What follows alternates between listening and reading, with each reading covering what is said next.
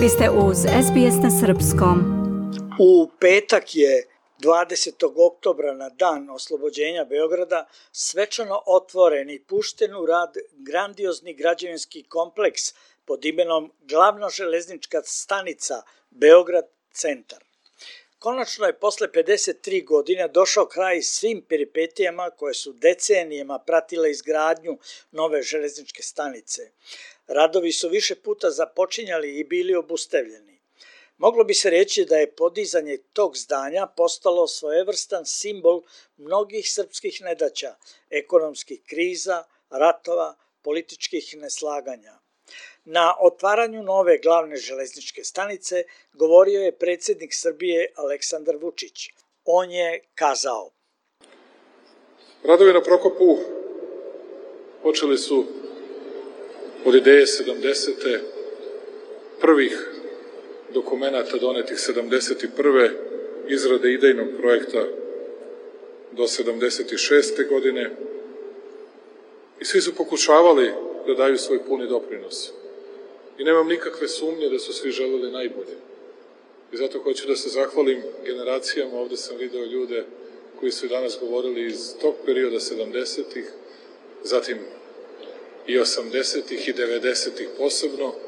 Tu su danas sa nama i Nažalost, Milutin Mrkonjić i gospodin Marjanović nisu, ali tu su i Milomir Minić i Milutin Ignjatović i Zoran Anđelković u ovom poslednjem periodu dok je bio u železnicama i hvala svima što su danas ovde sa nama, jer su dali nemerljiv doprinos samo ideji stvaranja Prokopa i svega onoga što smo zajednički stvorili do toga da smo imali dovoljno hrabrosti da u eri fiskalne konsolidacije 2014. godine kažemo bez obzira na povećani javni dug ostavljamo kuvajski novac, platit ćemo ga, samo je važno da podižemo zemlju, važno je da podižemo Prokop i železničku stanicu. To je bilo prvih 25 miliona evra. Ukupno 81,2 miliona evra zajedno i sa ovih poslednjih 15 miliona evra u ovu staničnu zgradu, kao i u sve koloseke, platforme, u mnoge radove ispod koloseka i platformi koji za ljude nisu jednostavno vidljivi. Ozbiljan novac za nas. Današnji izgled, tačnije reljef, ovaj lokalitet je dobio još krajem 19. veka kada se nametnula potreba da se zatrpa močvarno zemljište takozvane Bare Venecija, nadomak koja je potom nikla svima dobro znana glavna železnička stanica, ona stara, u Savskoj ulici, iz koje su gotovo vek i po kretale čelične kompozicije ka moru, planinama, banjama, gradovima širom Srbije, Jugoslavije, Evrope. Kako je zapisano u dokumentima, za potrebe saniranja, zemlja je donošena upravo sa današnjeg prokopa, po čemu je ovaj deo grada i dobio naziv. 70. godina prošlog veka, kada je gradonačelnik Beograda bio Branko Pešić, počelo je sa izgradnjom takozvanog Beogradskog železničkog čvora, čime je još tada predviđeno izmeštanje glavne železničke stanice sa Savskog trga. U toku 80. godina prošlog veka radovi su nekoliko puta odpočinjani pa zaustavljeni. Izgradnja je nastavljena početkom 90 ali je sa izbijenjem oruženih sukova i raspadom Jugoslavije ponovo obustavljena. Posle mnogo odlaganja, 8. augusta 2022. godine otpočeli su radovi na izgradnji stanične zgrade i komercijalnog kompleksa na ploči stanice Beograd centar.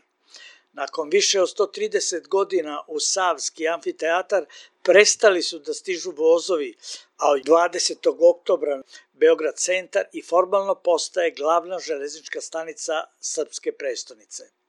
Kompleks koji se poklanja Beograđanima i njihovim gostima čine stanična zgrada, parking i prateći poslovno-komercijalni sadržaj. Stanična zgrada sastoji se od dva dela između kojih je veliki natkriveni plato projektovan tako da odaje utisak gradskog trga. Objekat stanične zgrade na Prokopu prostire se na 5600 kvadratnih metara. Zgrada je visoka 26 metara, Dužina krovne konstrukcije iznosi 80 metara, a poprečno 63 metara, a u zgradu je ugrađeno više od 700 tona čelika i 23 km čeličnih profila. Nova zgrada ima 13 komercijalnih sadržaja na više od 1000 metara kvadratnih. Restoran, kafe, zdrava ishrana, pekara, kiosci, apoteka, banka, menjačnica, rentakar, infopult turističke organizacije Beograd, ambulanta, kancelarija MUPA. Svečanom otvaranju prisustvovali su predsednik Republike Srpske Milorad Dodik, premijerka Srbije Ana Brnabić, gradonačelnik Beograda Aleksandar Šapić, ministar financija Siniša Mali, ministar informisanja i telekomunikacija Mihajlo Jovanović, ministar građevinarstva, saobraćaja i veza Goran Vesić, francuski ambasador u Srbiji Pierre Košar, kao i drugi ugledni gosti. Iz Beograda za SBS Hranislav Nikolić. Želite da čujete još priča poput ove? Slušajte nas na Apple Podcast, Google Podcast, Spotify ili odakle god slušate podcast.